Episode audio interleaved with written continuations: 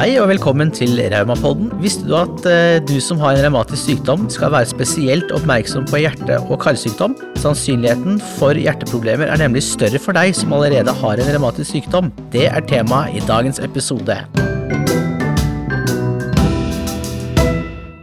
Hei, hei, og velkommen til nok en episode av eh, Raumapodden. Dette er et veldig, veldig, veldig, veldig viktig tema. Det er nemlig eh, hjerte-kar. Og i dag har vi selvfølgelig med oss eh, meg selv, Joakim, og Anna Frygselius, denne gangen med litt eh, spennende stemme etter å ha pratet for mye. Yes. Og vi har med oss en eh, hedersgjest i dag, nemlig Anne Grete Sem, som er overlege og forsker og leder for den forebyggende hjerte-raumaklinikken ved Diakonhjemmet sykehus. Kan ikke du fortelle litt mer om deg selv? Jo, jeg er eh, kardiolog, eller hjertespesialist, og oppdaget rundt 2000-årsskiftet at pasienter med revmatisk leddsykdom har økt risiko for hjerte-karsykdom. Faktisk like høy risiko som eh, pasienter med diabetes. Det er togangeren sammenlignet med den generelle befolkningen. Dobbelt så mye, altså. Ja. Eh, Og fordi at disse pasientene med revmatisk leddsykdom ikke ser sin fastlege like ofte som eh, den generelle befolkningen, sannsynligvis fordi at de er mest opptatt av sin kroniske Ikke sant, det er klassisk. Og eh, derfor så ser de eh, oftere eller kun sin revmatolog, eller er på revmatologisk poliklinikk. Og vi tenkte da at hvordan skal vi få tak i disse pasientene for å gi dem en risikovurdering for fremtidig hjerte-karsykdom? Jo, på den revmatologiske poliklinikken. Og derfor startet vi den forebyggende hjerte-revmaklinikken inne i den revmatologiske poliklinikken på Diakonhjemmet sykehus. Super. Er det, er det noe som er eh, et tilbud som er mange steder i landet, eller er man på en måte heldig hvis man er ved Diakonhjemmet og blir fulgt opp der? Ja, du kan si um De er nok heldige, for at eh, dette er eh, det eneste senteret i Norge. Eh, Men eh, det har vært eh, flere besøkende, faktisk fra syv andre land, som har kopiert vårt opplegg og startet forebyggende hjerte-revmaklinikker, men det er i andre land. Vi har utvidet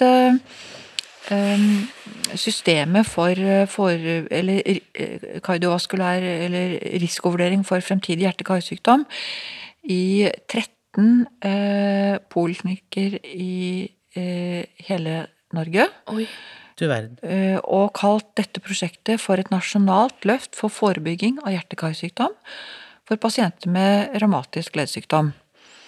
Det er tuftet på eh, en elektronisk pasientjournal som heter Go Treat It, eller GTI, hvor pasientene selv svarer på spørsmål, pluss at de blir undersøkt da av eh, sekretær eh, og eller eh, sykepleier som eh, måler blodtrykk og eh, kolesterolverdier og fører det inn i den elektroniske pasientjournalen. Og så har vi allerede da fått implementert en risikokalkulator inn i GTI, den elektroniske pasientjournalen, slik at når da allerede alder, kjønn og røykestatus er til stede, så kan risikoen for eh, fremtidig hjerte-karsykdom på en tiårsbasis bli automatisk eh, utregnet. Oi. Og Bortsett, denne jeg bare lurte på, bortsett fra, Altså, dette er superrelevant. Det er så Ja. mye informasjon. Nå må vi pause Jeg bare og lurte på, bortsett- få med oss alt. bortsett fra, som du sa, røyking og livsstilsfaktorer, hva er det som gjør at eh,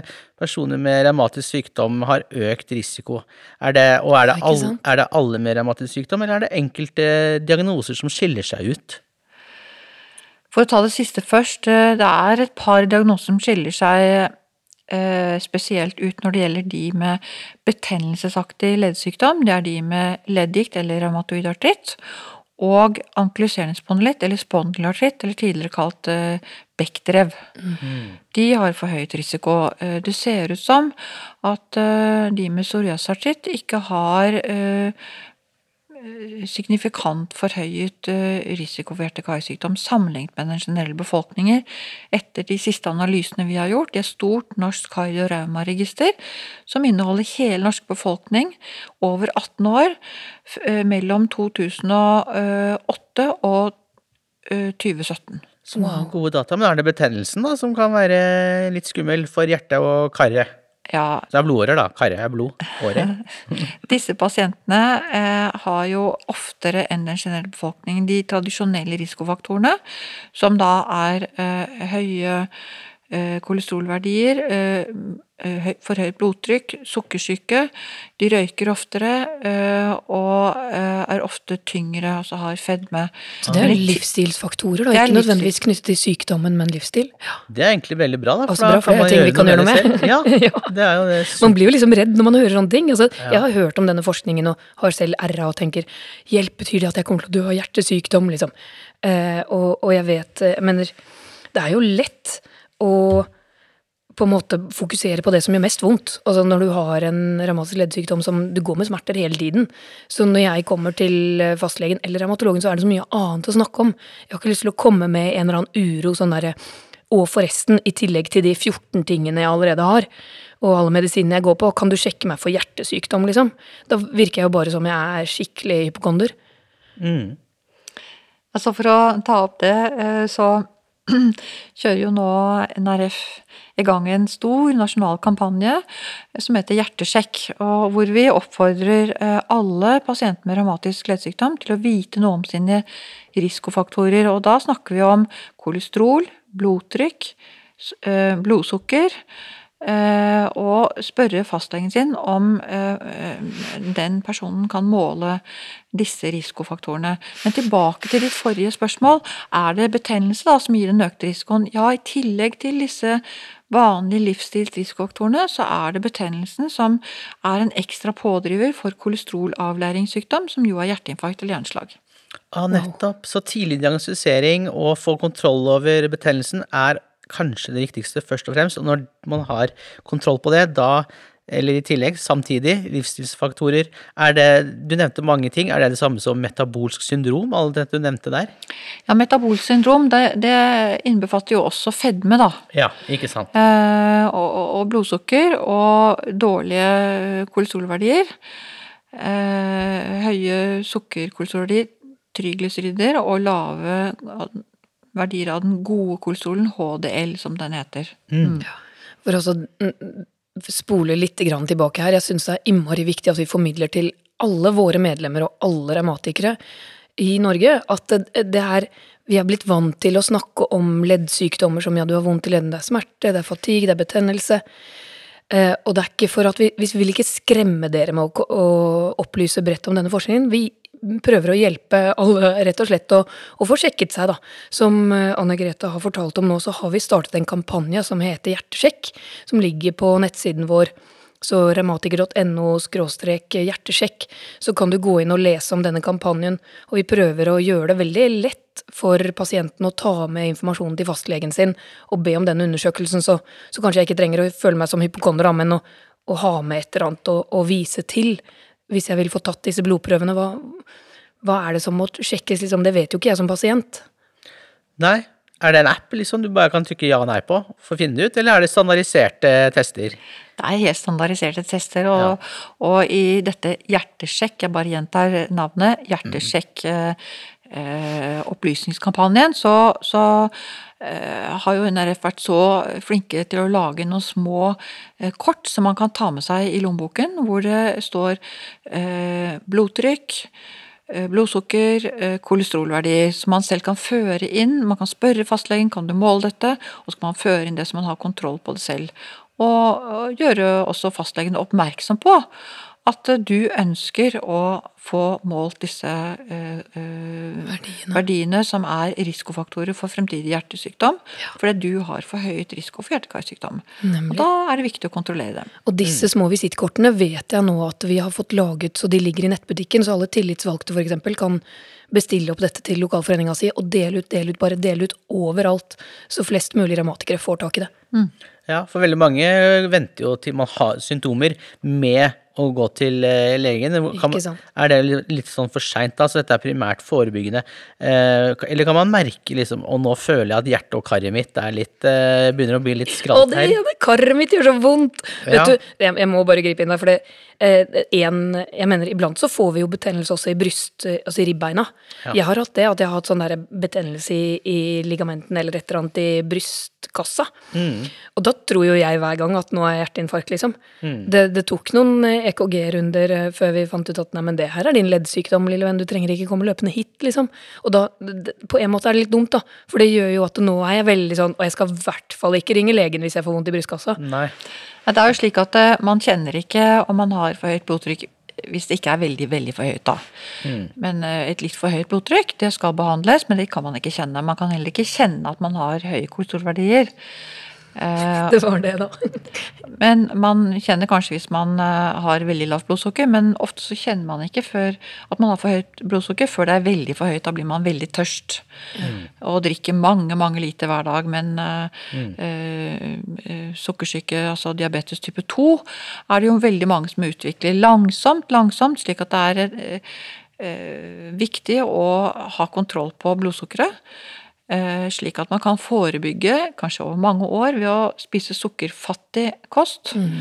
Og, og slippe å starte på medisiner. Mm. For eh, jeg var jo heldig, kan du si.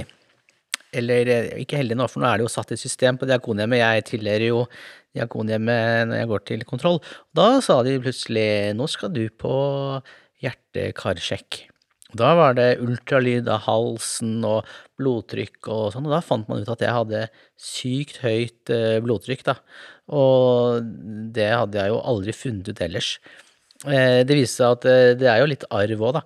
Faren min også har veldig høyt blodtrykk, men han fant ikke ut av det før han var liksom i 50-åra. Men han, han har også sikkert hatt høyt blodtrykk fra han var ung, da.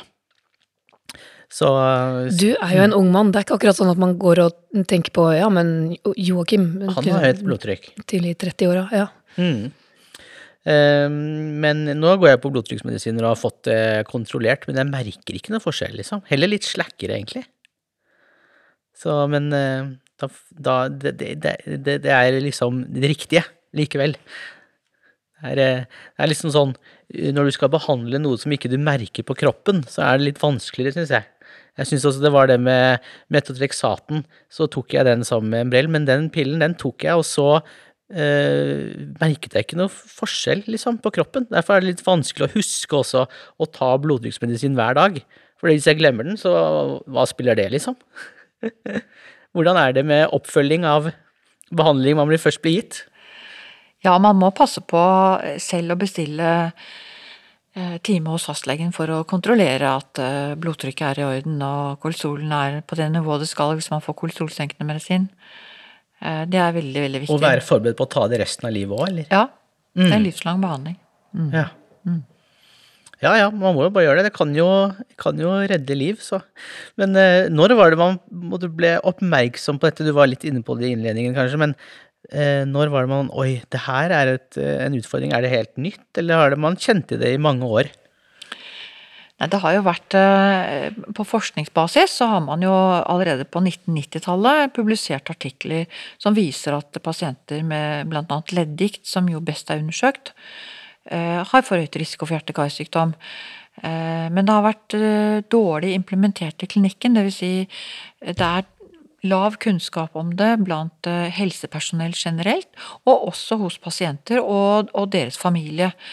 Slik at det er jo dette, den, eh, denne hjertesjekk, jeg nevner igjen, hjertesjekkampanjen går ut på. Det er eh, opplysning om at man må sjekke sine risikofaktorer for hjerte-karsykdom. Eh, Av pasienter med revmatisk leddsykdom. Det er veldig viktig både at pasienter har eh, kunnskap om det, og helsepersonell generelt. Ja, nei, men det er veldig bra det at det liksom, oppmerksomheten eh, går på to fronter, både mot eh, eh, brukere og også helsepersonell. Men da kan man jo risikere at eh, man som bruker kommer og sier Hei, jeg har revmatisk sykdom, hatt det noen år, har aktiv betennelse.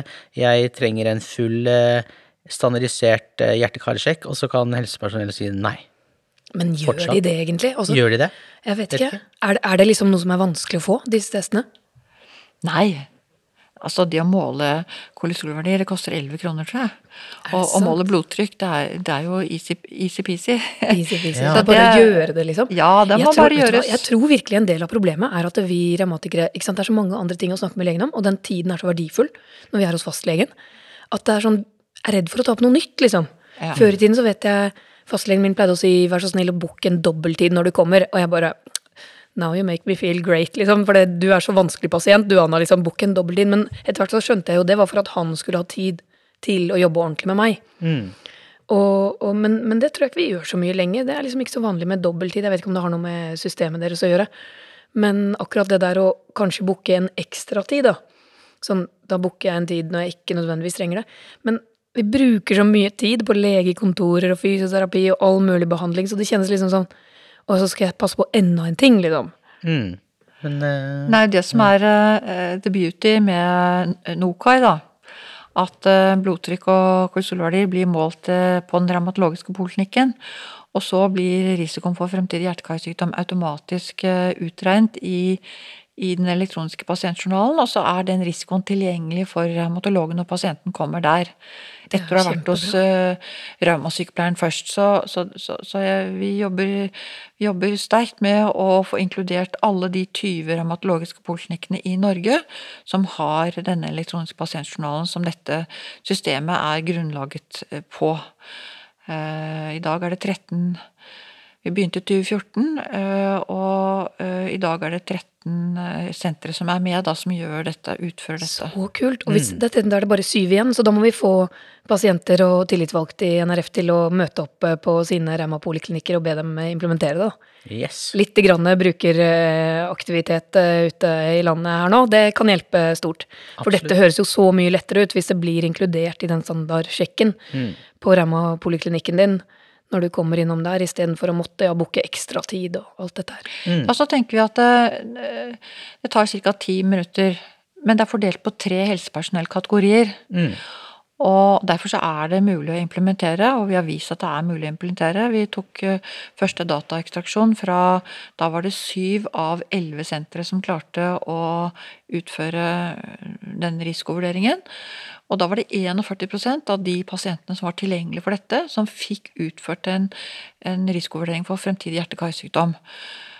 Og det var over 4000 pasienter som da fikk utført dette, som ellers aldri hadde fått det.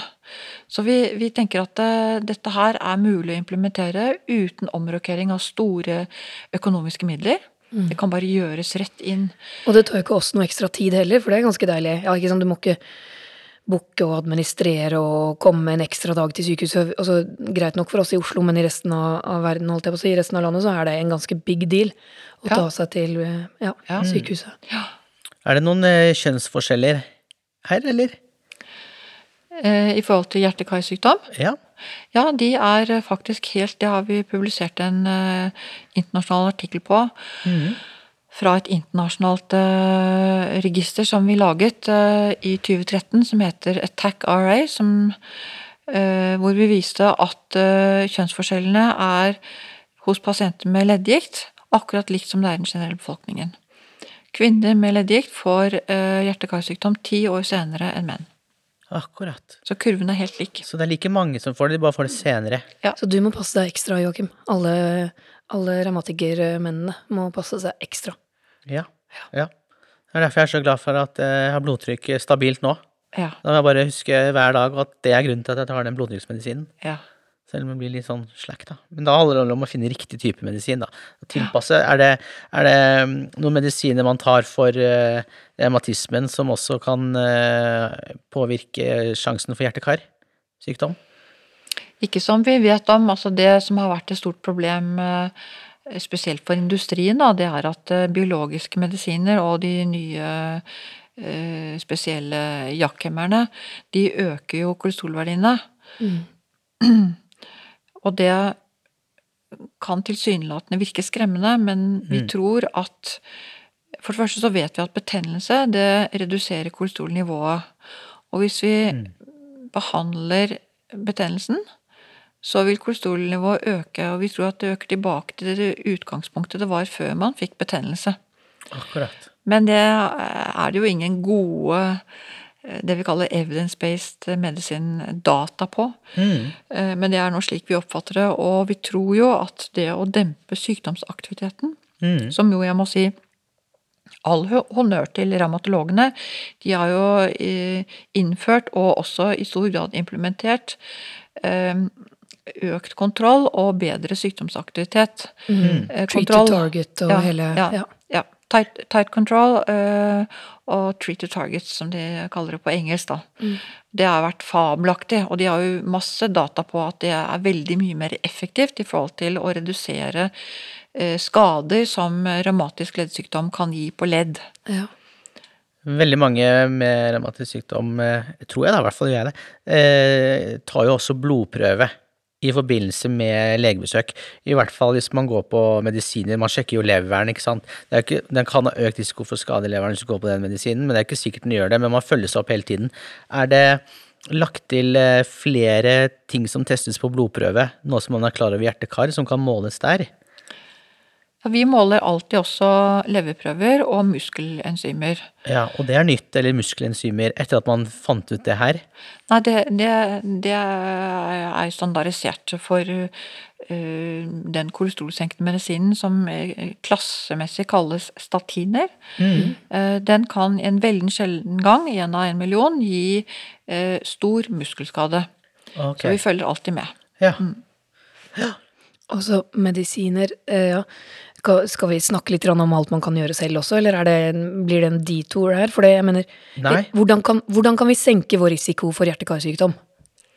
Og det er jo selvfølgelig da disse livsstilsrisikofaktorene. Eh, Det er å holde seg slank, det er å ha passelig med fysisk aktivitet, og jeg vil gjerne få lov til å fremheve at fysisk aktivitet er ikke skadelig selv om man har betennelsesaktig leddsykdom. Snarere tvert imot så kan den eh, redusere eh, sykdomsaktivitet, det har vi visst, og eh, bedre, bedre utkomme. Og også da selvfølgelig, som for den generelle befolkningen, redusere risikoen for hjerte-karsykdom. Så er det å stoppe å røyke. Vi har vist at eh, det å slutte å røyke, det reduserer sykdom, eller er assosiert med sykdomsaktivitet, og reduserer fremtidig risiko for hjerte-karsykdom, på lik linje med den generelle befolkningen. Og så er det jo selvfølgelig da moderat alkoholinntak, eh, holde seg slank, som jeg sa, det gjør man ved fysisk aktivitet, og kolesterolvennlig kosthold. Spise sunt, trene mye. Ja, det, det, det er jo det vi alle vet, egentlig. Som, det er litt vanskelig å leve etter det, men samtidig, det, det blir jo litt ekstra push når man vet at hvis, ja, hvis jeg har en, en uh, inflammatorisk leddsykdom, da, så har jeg høyere risiko for å utvikle hjertekar. Dermed bør jeg faktisk ta dette litt mer på alvor. Mm. Er det, eh, du nevnte jo metabolsk syndrom, mange forskjellige ting, kolesterol og blodtrykk, og, og, men er det liksom én ting som skiller seg ut som eh, på en måte verre enn noe annet? Er blodtrykk eksempel verre enn kolesterol, eller er det bare summen samlet? Og kan man gjøre noe konkret for at jeg vil bli bedre i kolesterol, og ikke Og jeg har ikke nødvendigvis tenkt så mye på blod, blod, blodtrykket?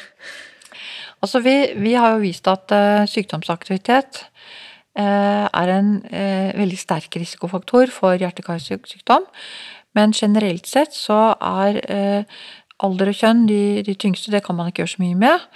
Men eh, Mm, etter det så kommer røyk. Ja. Ja, det, ja, hvis det er mulig. Røyk Går det på like mye på blodtrykk og kolesterol, eller? det er en tyngre risikofaktor enn blodtrykk og sukkersyke. Mm. Så det er en veldig viktig Altså høyt kolesterol, det er den viktigste Ok. ved siden av alder og kjønn. Og på tredjeplass så kommer, eh, kommer røyking. Røyking er så farlig, og nå vet vi det. Mm. For 20 år siden visste vi ikke det, men i 2004 eh, kom det en stor studie som Salim Yusuf publiserte, som heter Interart-studien, og han viste blant eh, ca. 15 000 menn som hadde hatt hjerteinfarkt, sammenlignet med nesten 15 000, 14 800 menn som ikke hadde hatt hjerteinfarkt, Mm. at de som røykte, at, at røyking da var den tredje viktigste risikofaktoren. Viktigere enn høyt blodtrykk og sukkersyke. Ja. Og spesielt for pasienter med revmatisk leddsykdom eh, er dette en veldig tung risikofaktor. Så det å slutte å røyke har jo vi da vist, det bedrer eh, risikoen betraktelig. Mm. Det Jeg vet ikke Det kan være liksom så mange sånne kosthold- og livsstilsråd, og så er, det, så er det veldig kult å få liksom brutt det ned til litt enkle ting man kan gjøre selv. Vi har jo i samarbeid med dere på, eller en annen avdeling da, på, på Diakonhjemmet utviklet dette her eh, treningsopplegget som går på høyintervalltrening. Og det har vel også en, en positiv effekt på å senke risiko for hjertekar og utvikle hjerte-karsykdom. Vi har jo implementert det i treningsopplegget, treningsgrupper over hele landet, som nå trener liksom Få opp intensiteten, få opp pulsen. På det ikke, vi skal ikke bare kosetrene i bassenget, vi skal virkelig få opp pulsen. Det var veldig interessant det du sa, at dere har implementert det over hele landet. Hvor har dere det? Treningsgruppene våre. Ja. Også, vi har jo, jeg vet ikke hvor mange hundre instruktører nå, det er eh, Ole Martin som har de, men vi har laget en ny instruktørtrening. Så hvor de har lært eh, forskningsbasert eh, rett og slett nye treningsrutiner, da. Hvor, hvor det å få opp pulsen er en viktig del av treningen. Så Ole Martin har laget masse forskjellige programmer eh, som instruktørene våre lærer, og de holder jo treningsgrupper ute i hele landet. Det er jo hovedaktivitet, kjerneaktiviteten i de 200 lokalforeningene våre. Det er trening, Det er fantastisk å høre, det var jeg ikke klar over. Visste du ikke det? Og det er det, dette, det vi gjør mest av. Nei, dette, dette må jo, eh, dette må jo eh, lanseres skikkelig på lik linje med aktiv trening for kreft, ikke sant? Mm. Det er veldig, veldig viktig, og de har jo fått masse oppmerksomhet, så det er jo ingen grunn til at uh, trening for revmatikere skal få like mye oppmerksomhet. Ikke sant? Vi er jo Sykt aktive, vi. Eh, også- Sykt aktiv, ja. Det er, Ja, det er liksom mestringskonseptet, hvor treningen er, det er den mentale treningen og den, den fysiske treningen. Mm. Sånn at, eh, men disse instruktørene våre er jo heltene, da. De er likepersoner, de er revmatikere selv, og de holder treningsgrupper. Ehm, og jeg mener noen av de har jo kjempeaktiv sykdom selv, og iblant så må de ligge på matte ved, i bassenget eller i, i treningssalen, og, men de leder, vet du, setter på musikken og full guffe. Og så har de da lært dette, den forskningen bak eh, intervalltreningen da, som viser at eh, hvis du får opp eh, pulsen på treningsøktene og gjerne kjører intervallet fire ganger fire, så kan det ha like stor sykdomsmodifiserende effekt som var det medotrexat og prednosolon. Det var noen av dine kolleger fra Diakonhjemmet som var her og presenterte for en stund siden. Jeg husker ikke hva det prosjektet heter, Joakim, husker du? Mm, Jeg husker ikke akkurat nå, men det er jo det også, også liksom lære seg å bli sliten, at ikke det er farlig. Å kunne på eh, presse kroppen sin på en god måte, da. Fordi vi har jo tradisjonelt på en måte Og mange gjør det fortsatt, kaller det Kosetrening. bading, Jeg skal bade. bading Ja. i varmt vann og sånn. Vi har heller byttet det til hjerte for varmt vann og sånn, vi nå. Ja. Med hjerte for varmt vann, så Ja. eh, ja. Men det um, jeg merker jo når jeg går på blodtrykksmedisin, så er det vanskeligere også å eh, komme opp på de intensitetene. Er det bare meg, eller er det litt sånn kjent? Nei, hvilken jeg husker ikke akkurat, eh, akkurat Nei, nå. Det er vel bare eh, en blodtrykksmedisin som demper pulsen, ellers så i din alder ville jeg aldri gitt det til deg. Jeg ville jo tippe at du står på noe helt annet som ikke skal gi deg noe, Ja. verken fatigue eller slackhet, som du kaller det. Ja. Eh, Jeg vil tro at eh, hvis du føler slackhet, at det er fatigue i forhold til eh, grunnsykdommen din, og ikke relatert til blodtrykkssenkende medisin. Ja, for det er litt sånn man sier at man skal trene med høyere intensitet, og det er bra. Men jeg hadde jo veldig høyt blodtrykk, da. Og da sa de at eh, du kan ikke presse deg. Å, jeg skulle søren. ta en sånn makspulstest så ja. Så sånn. og sånn, og sa nei, det, du har for høyt blodtrykk, vi må stoppe deg. Å nei. Så kan høyt blodtrykk eh, på en måte være risiko for høy intensitet, selv om høy intensitet er bra for å få ned blodtrykket. Hvis du skjønner spørsmålet? Ja, nei, Ja. altså høyt blodtrykk, det er jo risiko for hjerneblødning, hjerneslag. Oi. Eh, Når man har veldig høyt blodtrykk, så må det jo reduseres før man skal trene. Ja. Det er viktig. Eh, og i din unge alder så, så ville jeg jo ikke gitt deg en blodtrykkssenkende medisin som senker pulsen. Nei, nettopp. Nei. Sånn at eh, du får helt annen blodtrykkssenkende medisin, og den skal du ikke føle noe på.